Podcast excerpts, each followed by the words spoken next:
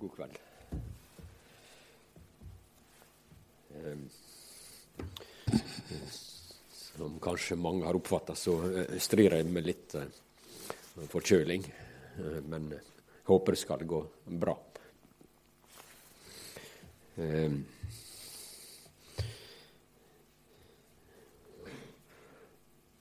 I denne boka her, som jeg sjøl skrev for et ja, for knapt to år siden. Kom ut på, på Lunde. Så jeg har også et, eh, faktisk et romantisk eh, innslag. Eh, livet er slik.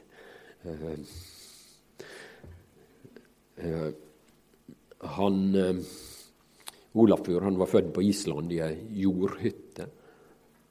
Og så ble han kalla til å bli misjonær. Han ble en kristen ble kalla til å bli misjonær. Og så fikk han haik over eh, havet til eh, Norge, til mi heimbygd, Ellingsøya, der jeg vokste opp. Og Derfor er denne historien liksom en, en del av, av meg sjøl. Um, der var en, en mann som hjalp han så veldig godt. Han var Eh, fiskeskipper, altså at han, han eide båten sin sjøl. Slik at han sa det eh, til han Olafjord at du skal få bli med eh, til Norge, og så skal jeg se om vi kan hjelpe deg. Og slik ble det. Etter ett år på Sunnmøre så havna han på misjonsskolen på Fjellhaug. Så han gikk der ifra 1916 til 1921. Nei, 1916 til 1920. Da, i, eh, i 1920, så eh, var det ei stor eh, misjonærvigsling på Fjellhaug. Og der var flagg, det var sommer, og det var høgtid på alle måter. Og han og 15 andre ble vigsla eh, til å bli misjonærer i Kina. Akkurat eh, den helga så kom det ei jente ifra, ifra Trøndelag, fra Orkdalen.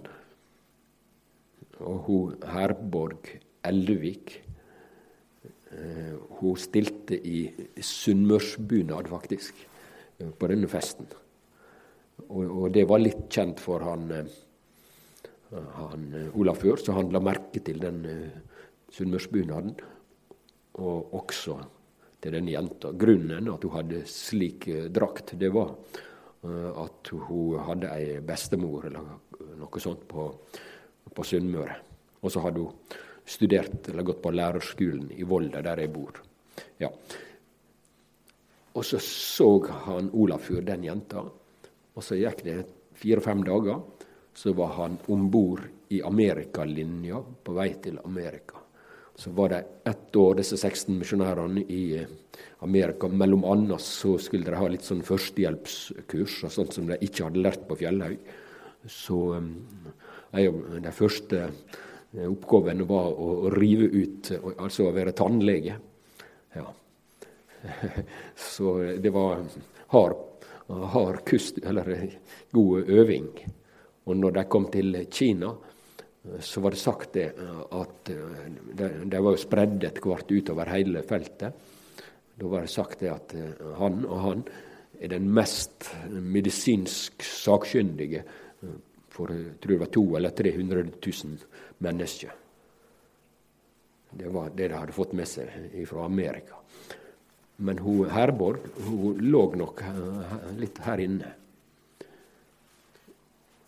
Og hun, for sin del, hun hadde før, før 1920 altså, så hadde hun eh, korrespondert med generalsekretæren, han Johannes Brandtzæg, eh, og skrev brevveksling om at hun, hun kjente på kall til å bli misjonær når hun var ferdig på, på lærerskolen. Så ble hun altså akkurat ferdig, slik at hun rakk og kom Etter en liten tur til Trøndelag så kom hun og var med på, på, på denne store misjonærvigslinga. Og så så han den. Så gikk det eh, til 1925, altså fem år. da kom hun Herborg til Kina for å være lærer for de norske ungene. Altså det norske, på den norske skolen. Og så kom de altså i kontakt, og de fikk snakke litt rundt alt dette her. Og så ble det de. Så den 2. oktober i 1926 så var det et flott bryllup med islandske og norske flagg på misjonsstasjonen i Laukå. Det er den største misjonsstasjonen. Så da kom alle misjonærene inn, og så var det, var det fest og, og, jubel. Og, det var en av ungene der som sa det til mora si kvelden før, at mamma, er det lille bryllupsaften i kveld? For, for, hun følte det var sånn eh, stemning. En lille bryllupsaften i kveld? Eh, han Olaf, Olafur eh, sjøl derimot, han, han var på en eh, misjonsstasjon som lå seks norske mil unna. Og så var det et forferdelig regnvær. Så han stampa i blaut gjørme i to døgn. Og det var så vidt han, han nådde fram til sitt uh, eget bryllup. Uh, og da, da sa han ingen kan stanse en mann i sånt ærend. Ja. De fikk fem unger, og to av dem ble misjonærer i, i Kina. Og dere kjenner sikkert noen av disse Olafsson og Nevdal og, og det. Kanskje. Eh, han Kristoffer Nevdal eh, han gikk for noen år siden her. og når Jeg var med en gang oppe i Karasjok på distriktsbibelskole, og vi lå i samme hytta til og med. Eh, da, da sa han Eller da, da var han Kristoffer klar for å framføre Romerbrevet, altså 16 kapittel fra Nytestamentet, som han, han las opp. Det var ja, sjelden å si fantastisk, men, men, det var i grunnen fantastisk. For han sto framme uten et papir og las i 59 minutter. Hele romerbrevet i alle detaljer. Det var han Kristoffer Nevdal, som er oldebarnet til han Olafur. Ja. Jeg har to bøker bare her nå av disse igjen, men jeg, jeg tenkte at kanskje det ble for lite med de fem jeg tok med meg. Så Derfor så kom det en pakke i posten i dag fra Oslo. Så jeg kan pakke opp mer hvis dere Men det, det er ikke kjøpepress. Men jeg tenker at misjonshistoria det er på en måte som å, å trakke litt i apostelgjerningene, men i vår tid. Selv om vi ikke må misforstå det. Selvsagt ikke helt misforstå det, det tar det i beste mening. Eh, men det er noe at han er i går og i dag den samme. Han eh, som eh, var aktiv i akta, og som er altså slik også i dag.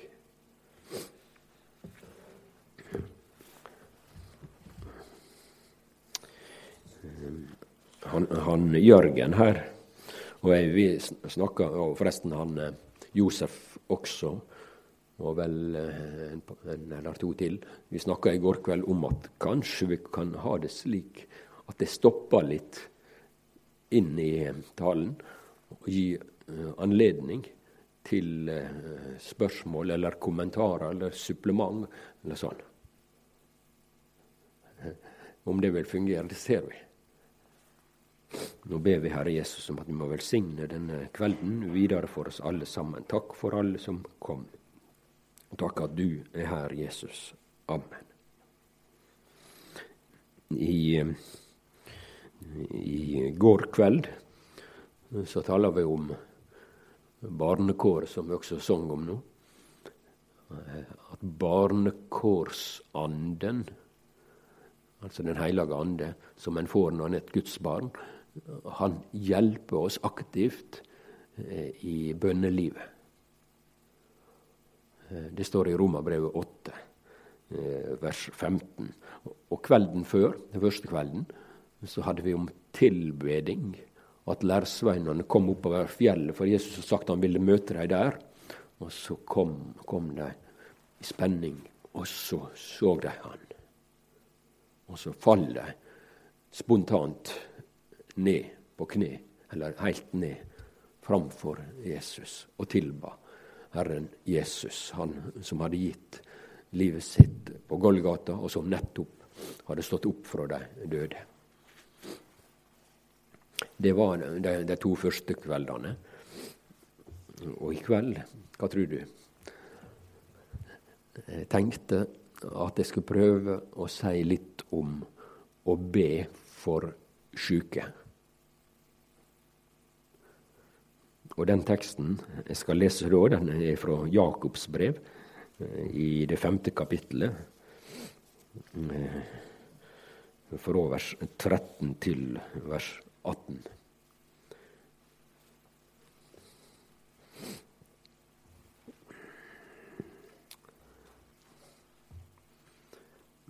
Eh, lid noen av dykk vondt, lat han be. Er noen glad til sinns, lat han lovsynge. Er noen av dykk sjuk, lat han kalle til seg de eldste i kyrkjelyden, og de skal be for han og salve han med olje i Herrens navn og trusbøna. Trusbøna skal hjelpe den sjuke, og Herren skal reise han opp, og har han gjort synder, skal han få dei tilgjevne. Sanna de for syndene dykkar for hverandre og be for hverandre, så de kan verte lekte. Ein rettferdig manns bøn har stor kraft og verknad. Elias var eit menneske under same kår som vi. Han ba inntrengande om at det ikkje måtte regne. Og i tre år og seks måneder regna det ikkje på jorda. Og han ba atter. Og himmelen ga regn, og jorda bar si grøde. Ja, det er slik at, at bønn det er aktuelt i alle slags situasjoner. Eh, er du i en sånn fase at du rett og slett kjenner på liding, og har du vondt, lider noen av dere vondt, eh, da kan, da kan vi, vi snakke med Gud. Da kan vi komme til Jesus med det vonde og vanskelige, og vi skal ikke bli vist vekk. Vi kan si det til Jesus med ord. Kanskje eh, er du skuffa, kanskje er du bekymra. Det kan være så veldig mange forskjellige eh, ting. Kanskje er du såra. Men så er det, er det noe det å få legge det eh, fram for Gud. Lat han som hadde vondt og lid, lat han be. Sikkert meint i det stille, eller kanskje i ei gruppe. At vi kan få be, kanskje i lag med en sjelesørger. Be, og si det med ord, slik at mine ører hører det, og du hører det sjøl, og enda viktigere at Jesus hører.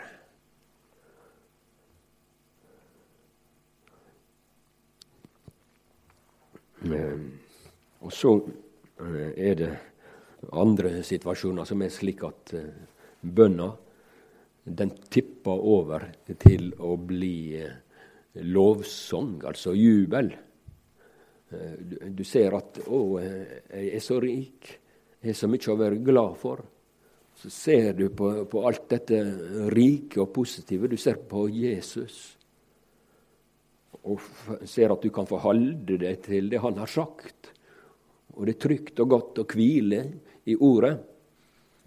Ja, så kan gleda komme, ikke som en prestasjon som vi må få til, men, men eh, når, når det er glede her inne, så vil det også bli skapt eh, lovsang.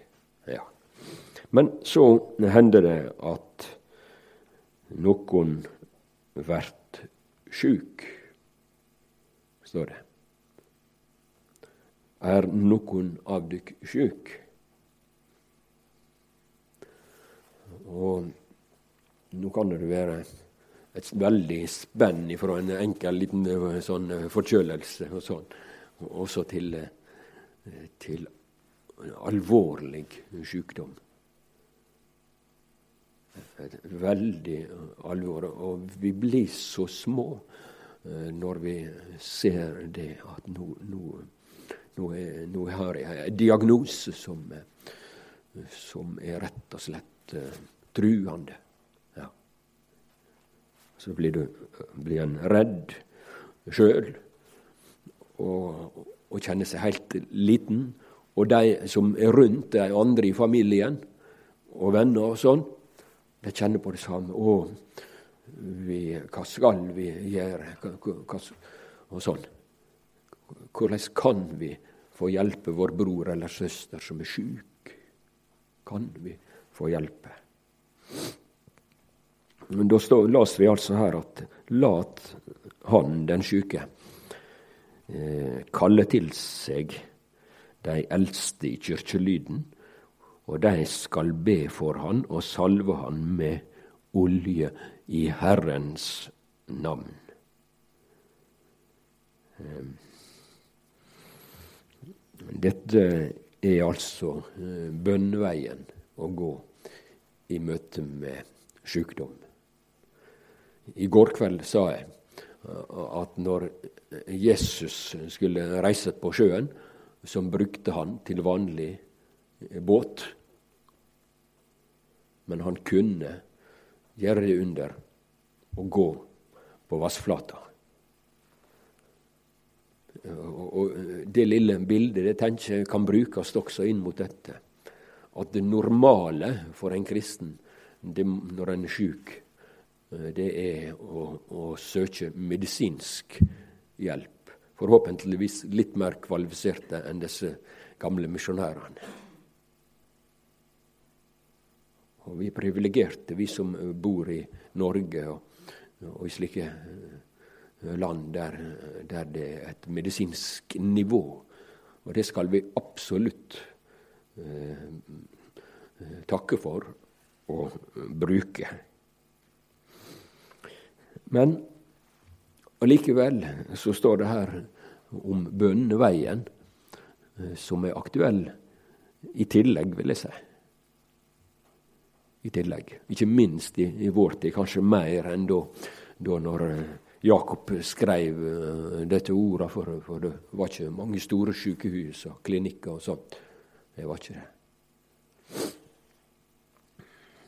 Er noen av dykk sjuk, han skal la han kalle til seg de eldste i kirkelyden, Og de skal be for han, og salva han med olje i Herrens navn. Dette er ei side av temaet som vi har denne veka om, om hva gjør vi når sjukdom kommer. Ehm, lat han tilkalle, lat han kalle til seg de eldste i kyrkjelyden, står det. Altså, ser du den eh, formuleringa? Altså, den sjuke skal si kan, kan, kan noen komme hit og be for meg?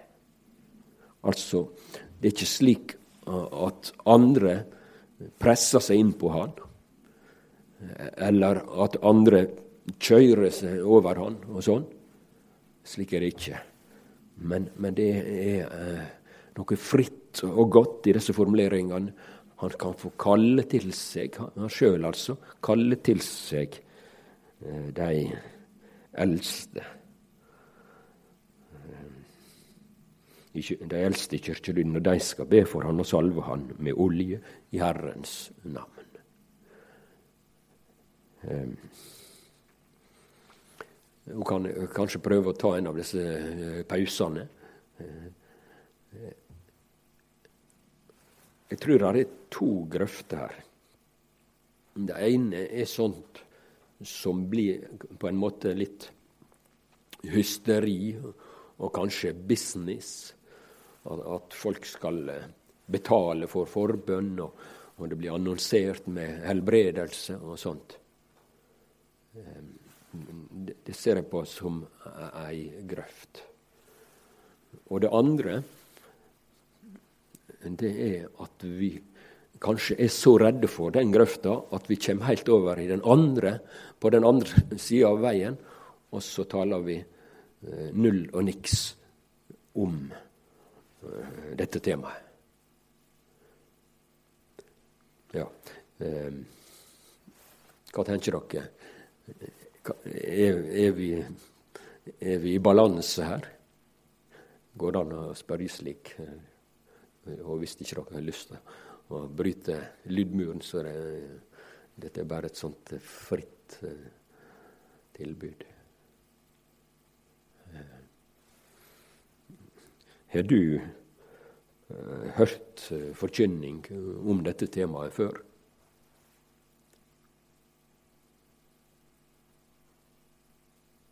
Ikke så ofte, tror jeg. Um, er her noen som har vært med på ei slik eh, bønnestund med salving? Ja. Du, kan du si litt om hvordan var det? Takk. Eh, er det flere som kan føye til litt?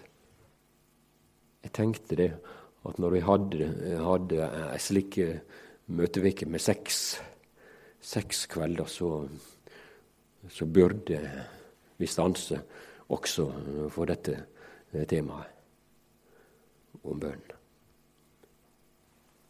Det står eh, at han skal kalle til seg eh, de eldste, står det faktisk. Og Så er det kanskje mange plasser ute på bygda, eller ja, i, i mange plasser der kristenlivet ikke er så veldig organisert. Og så har ikke vi et eldsteråd. Men jeg tror eh, og tenker at vi, vi da likevel skal bruke frimodig eh, dette ordet, for det er neppe av apostelen neppe meint eh, som stengsel og, og bremse, slik at andre ikke skal kunne be. For min del jeg tenker at, at om du ikke er eldste, så kan du, om du er kvinne eller mann, ehm, bruke et slikt bibelord i nøden. Det, det tror jeg. Ehm, kanskje var poenget her at Jakob ville unngå et kaos, at, at det ikke skulle du vet at Det var i ei vekkingstid, og det var et, et bølgende, yrende eh, liv som brøt på. Og, og, det kan hende at han tenkte at, at eh, her, her, er det bra å, å, skrive at de eldste må ta dette ansvaret. Men eh, be du også alltid frimodig. Jeg fikk eh, telefon Jeg tror det måtte være i august nå sist. Og det var min gode venn Reidulf Lillebø, som bor i samme bygda som meg. Og han har fått ei alvorlig diagnose, eh, så han er alvorlig sjuk. Og så, så hadde han akkurat dette spørsmålet. Kunne du få med deg nokre ifra mannsforeninga vår, sa han. Vi er i ei mannsforening i lag. Kan, kunne du få med deg nokre, og så, og så salve og be for meg? Eh, det sa jeg sjølsagt ja til, og neste kveld så var han, var han Egil og han Ove og han Per Ove og hun Maisa er forresten hun er, hvis du har tid å lese den historien om Maisa, det er veldig spesielt. Eh, hun er finsk, og når hun var nyfødt, så ble hun Nå er det parentes. Eh, så ble hun sto det en annonse i avisa at en baby gis bort. Så fram, På framsida her så står det 'gitt bort' i avisannonse. Men hun, etter hvert som hun vokste opp, så ble hun en kristen. Og hun ble misjonær. Og forteller her en veldig personlig og dramatisk historie. Hun var der eh, på møtet vårt, også han Reidulf sjøl. Og så satt vi og småprata litt først, sånn, i sofaen og rundt bordet. Så sa jeg at nå må vi synge en, en sang.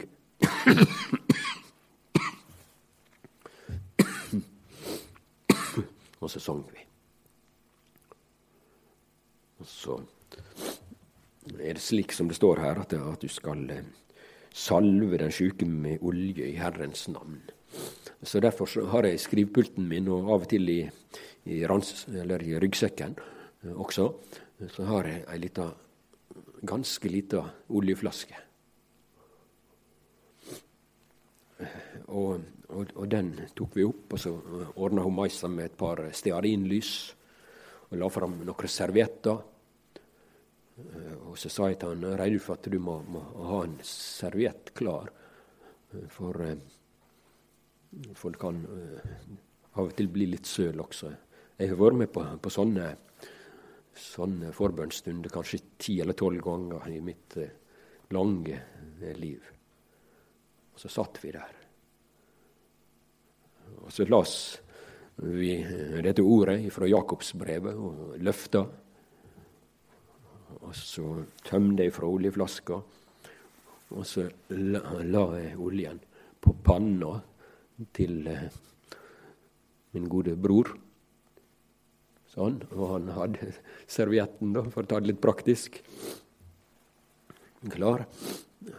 Og så ba vi i Herrens navn at han Reidulf i sin hjelpeløse situasjon må få være i Herrens hand. Og bare for familien, for han sjøl, om at Guds vilje må, må råde. Må bli som, som, Gud vil. Og så repeterte vi bibelord om Jesu veldige makt og sånn. Og så ba vi sånn. Og de andre, han Egil og han Ove, de la også hendene sine på han. Så sto vi der rundt han, han Reidulf. Det var en nådestund. Han har sagt det mange ganger seinere var, var så rikt med, med den, den forbønnsstunda. Det gjorde noe med han. Og Når jeg forteller dette så fritt og åpent her med navn og adresse, så er det fordi han sjøl har vært veldig åpen om alt sammen og har skrevet på Facebook og mange andre plasser om situasjonen sin og alt sammen, slik at jeg røper egentlig ikke noe sånn fortrulige ting. Og så når vi da, etter en liten halvtime, var, var i mål, så sang vi en ny sang. Så ba vi Fader vår og lyste velsigninga. Jeg må nok innrømme at, at det ikke er så, så lett innenfor alvorlige diagnoser, og når alle spesialister i Oslo og i Ålesund og i, i, i hele Skandinavia er hjelpeløse, og, og tro at, at, at, Gud eh, skal gripe inn. Både han, eh, han Reidulf sjøl er lege, misjonslege, og hun Maisa er lege, og han Jørn Asleson der er lege. Eh, og, og, og de hadde all slags eksper, har all slags ekspertise innpå seg. Men det er likevel noe annet å få, få eh, si det til, til, Jesus, og at flere er der og nevner den samme saka grundig. Ja. for Jesus.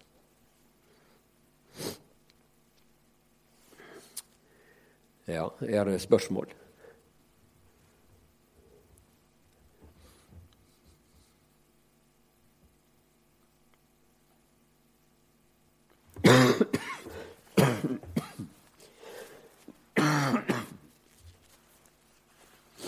Ja. Nei det, Ja, se der, Johannes.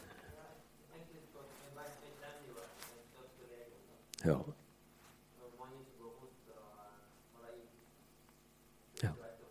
Mm.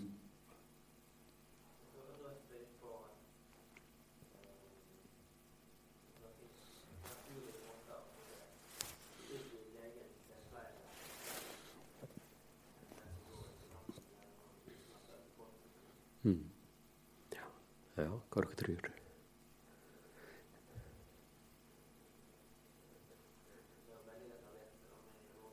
Ja, vi er på, helst på den andre kanten.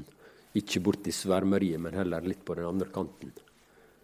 Men, men samtidig så er, er det jammen ikke så godt det, når folk føler seg pressa. Sånn som på Visjon Norge, så har det iallfall av og til hendt at, at, folk som sitter i en rullestol, får høre at, at ja, nå skal, skal, be, skal, vi be for det, og så kan du sende ei stor gave til til, til arbeidet her, og så skal, skal, Gud fikse opp. Det er ikke et problem for Gud. Slikt eh, Det blir så feil. Så det er den grøfta. Men, men eh, jeg sier ikke at alt, alt, på Visjon Norge er slik, men, men det er slike tendenser. Intervjuer uh, ei som nå er død, satt i rullestol. Uh, hun hadde sittet og lytta til slike program på fjernsynet. Og til slutt så var hun helt eh, på en måte knust. For det var så hardt å høre, det var så lettvint. Så jeg tror vi skal absolutt passe oss for den grøfta. Men allikevel, ordet står fast at vi, vi skal få be i Jesu navn og komme sammen og salve og be. Og så står det sanna da syndene for hverandre og be for hverandre. Altså, her er det et innslag av eh, syndeproblematikken inn i teksten. Altså at også i en sånn situasjon med sykdom, så er det snakk om eh, syndserkjennelse.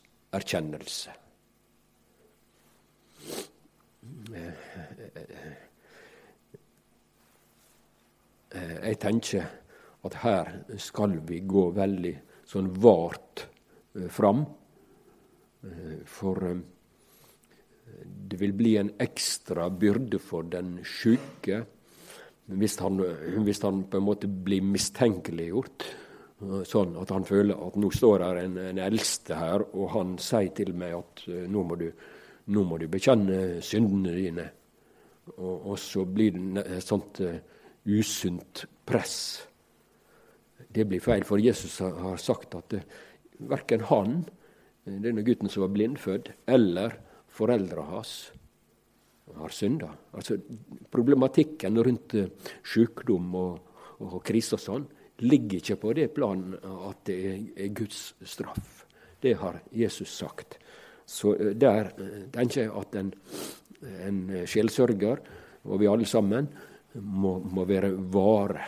Men det kan selvsagt tenkes, og vi bør være åpne for det, at den syke har, har en trang til å få si noe som ligger dypt der inne, og bekymre den og den synd i livet. Men da, da må dette eh, få komme eh, naturlig fram, tror jeg. sanna synden dykkar for hverandre og be for hverandre, så det kan verte lekte. Og så stod det i det 15. verset trusbøna skal hjelpe den sjuke. Jeg har en kamerat som, som ramla ned. Han skulle inn et vindu oppe i andre eller tredje etasje. Per Helge Myhren, misjonær i Etiopia. Og så sto stien litt for, for lite bratt, slik at han kom opp mot vinduet og skulle inn For det var sånn at han hadde vært på, på butikken. Og så I mellomtida så var det andre huset gått ut og låst døra. Men så så han at oppe der, der var et vindu som han kunne klare å komme seg inn. Klatra han opp, og så gleis det igjen. Og, og han plaska ned på, på, den harde grunnen, og han, han ble lam. Når han vakna på, på regionsjukehus ja, er det Ritt heter det vel før, nå heter det kanskje universitetssykehus, jeg vet ikke, i Trondheim. Når han vakna der, så var det en dag at tre av kameratene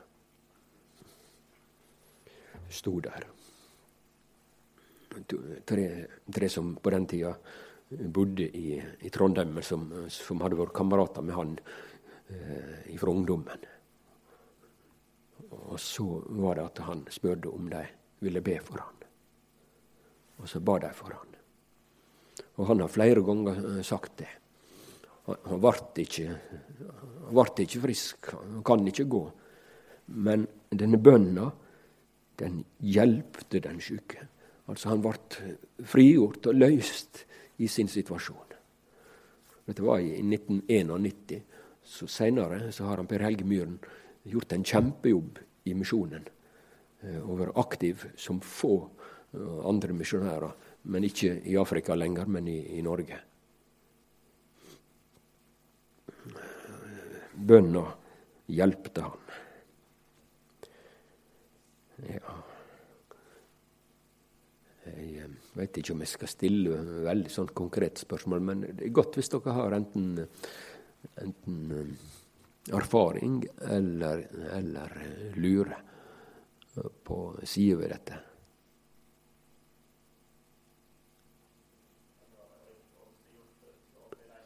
Ja, det, står, det står 'reis opp' også. Det er det. Så, så du stiller et godt spørsmål.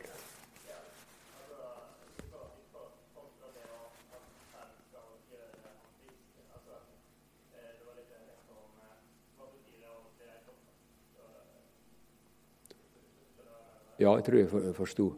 Og, og, nå i, i dag så, så, var jeg på nippet til å finne fram eh, en, ei, ei bok og, og, se litt gr mer grundig på det verset, men, men, det ble ikke Jeg kapitulerte pga. at jeg var litt slapp eller sløv. Og frøs litt og sånn. Men, men, men, eh, altså eh, Det var en unnskyldning, da. Men jeg tenker ut ifra andre bibelord også så kan det ikke eh, tolkes slik at alle skal sprette opp ifra rullestol eller seng eller sånn. Eh, jeg tror vi må ha det evige perspektivet som, hun, eh, som du var borti. Eh, at Ja. Nei, det, og det perspektivet må vi, må vi holde fast på, men, men samtidig så er det noe det å og på en måte ikke skyve vekk alt det nære, og at alt skal inn i det evige. Det blir også feil, kanskje. Så, så her, her, er i grunnen mange vinkler og balansepunkt uh, her. Så jeg vil på en måte si til meg sjøl og til uh, dere og til syke som jeg møter, at Jesus kan gjøre under. Han kan uh, gripe inn her og nå. Men det er slett ikke alltid at han, han gjør eh, det i sin visdom. Eh, slike tanker tror jeg må, at vi må balansere, eh, ellers så kommer vi borti ei av to grøfter.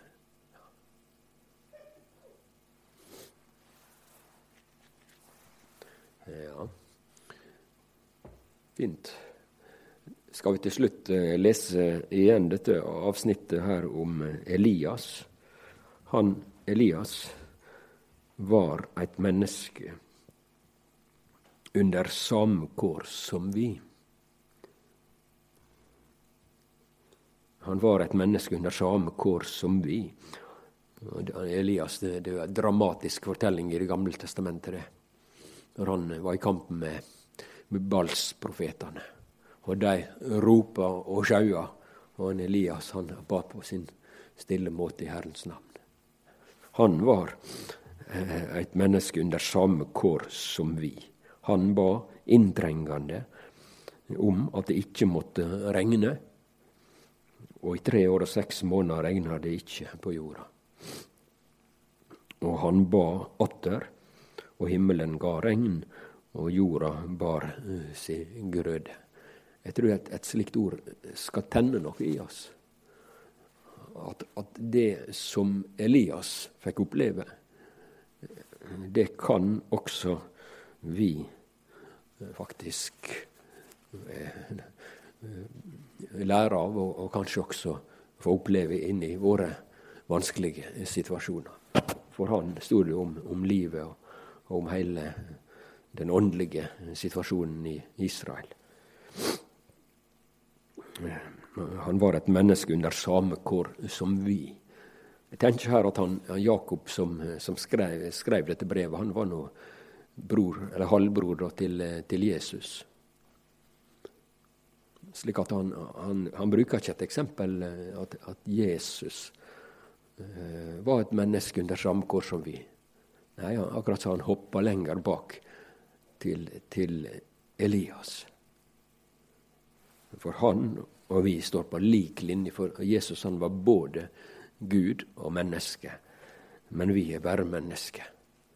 Men så kan vi altså, så hjelpeløse som vi er, på vårt nivå, så kan vi vende oss til Gud i Herrens navn, altså i, i Jesu navn. Og så kan vi eh, få hjelp i vår nød. Enten helt konkret eller, eh, eller hjelp til, til, å bære det vanskelige og nå det evige målet. Takk, Jesus, at vi kan få kalle på deg dag og natt, eh, i glede og sorg, når vi er helt hjelpeløse.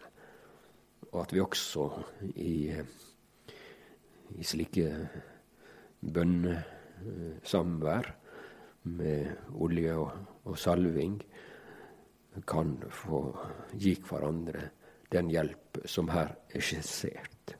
Kjære Jesus, jeg ber om at vi må få gjøre det på en, på en god og sann måte til ære for ditt navn og til gagn for våre medmennesker. Amen.